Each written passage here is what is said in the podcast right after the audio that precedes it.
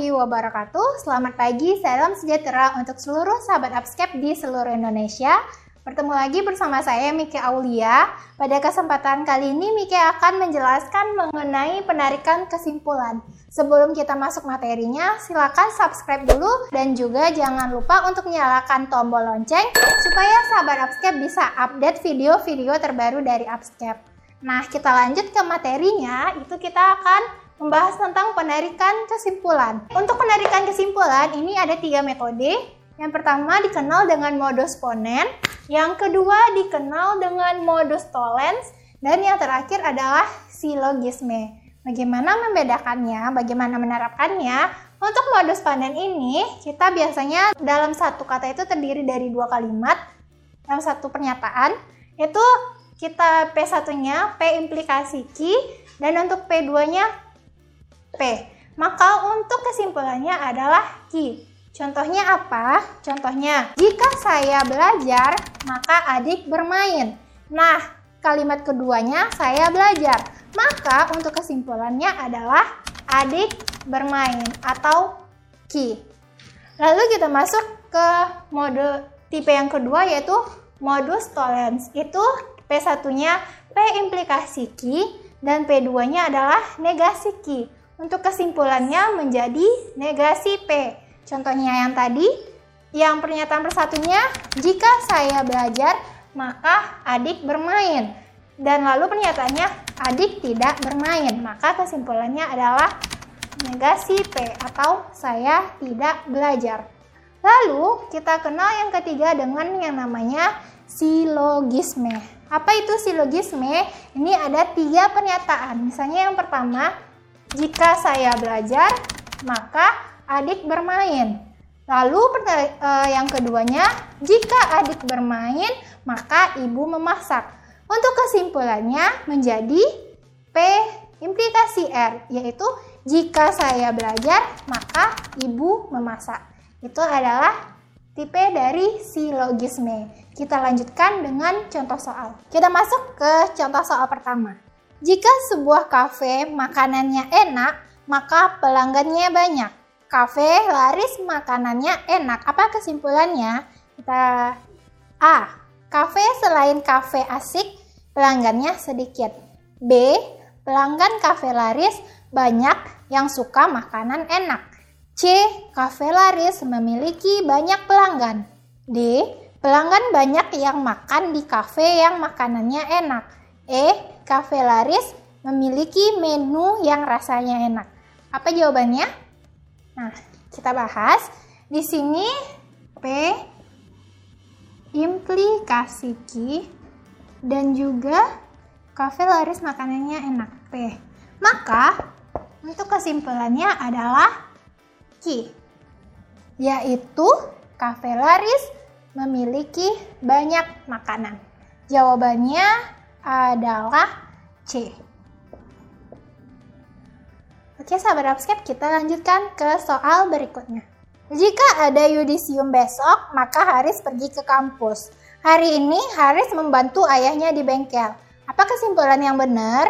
A. Haris tidak pergi ke kampus. B. Haris ke kampus setelah membantu ayahnya di bengkel. C. Haris membantu ayahnya saat sedang ada yudisium. D. Hari ini tidak ada yudisium. E. Haris tidak jadi membantu ayahnya di bengkel karena harus ke kampus untuk yudisium. Apa jawaban yang tepat? Kita lihat. Di sini P implikasi Q. Lalu hari ini Haris membantu ayahnya di bengkel. Berarti negasi Q. Maka untuk jawaban yang tepat adalah negasi P yaitu jawabannya adalah option D. Hari ini tidak ada yudisium. Kita lanjut ke soal ketiga. Jika Suci belajar anatomi, maka dia juga mempelajari fisiologi. Yang kedua, jika Suci belajar fisiologi, maka Ulfa belajar biokimia. Ulfa belajar psikologi umum. Maka kesimpulan yang benar adalah A. Suci dan Ulfa belajar anatomi. B. Suci tidak belajar anatomi. C. Suci belajar fisiologi dan biokimia. D. Suci dan Ulfa belajar psikologi umum. E. Suci belajar anatomi dan fisiologi. Apa jawaban yang tepat? Ayo kita cek. Ini pertama itu jika Suci belajar anatomi, maka dia belajar fisika. Jika Suci belajar fisika, ini P dikasih Q. Jika Suci belajar fisika, maka Ulfa belajar biokimia. Ulfa belajar psikologi umum. Berarti ini negasi R. Untuk kesimpulannya adalah negasi P. Berarti jawaban yang tepat adalah Suci tidak belajar anatomi, yaitu option B. Kita lanjutkan ke soal keempat. Calon mahasiswa MIPA harus mengikuti ospek di himpunan jurusannya masing-masing. Debbie adalah calon mahasiswa biologi. Kesimpulan yang tepat adalah A. Semua calon mahasiswa biologi tidak mengikuti ospek di himpunan jurusannya. B.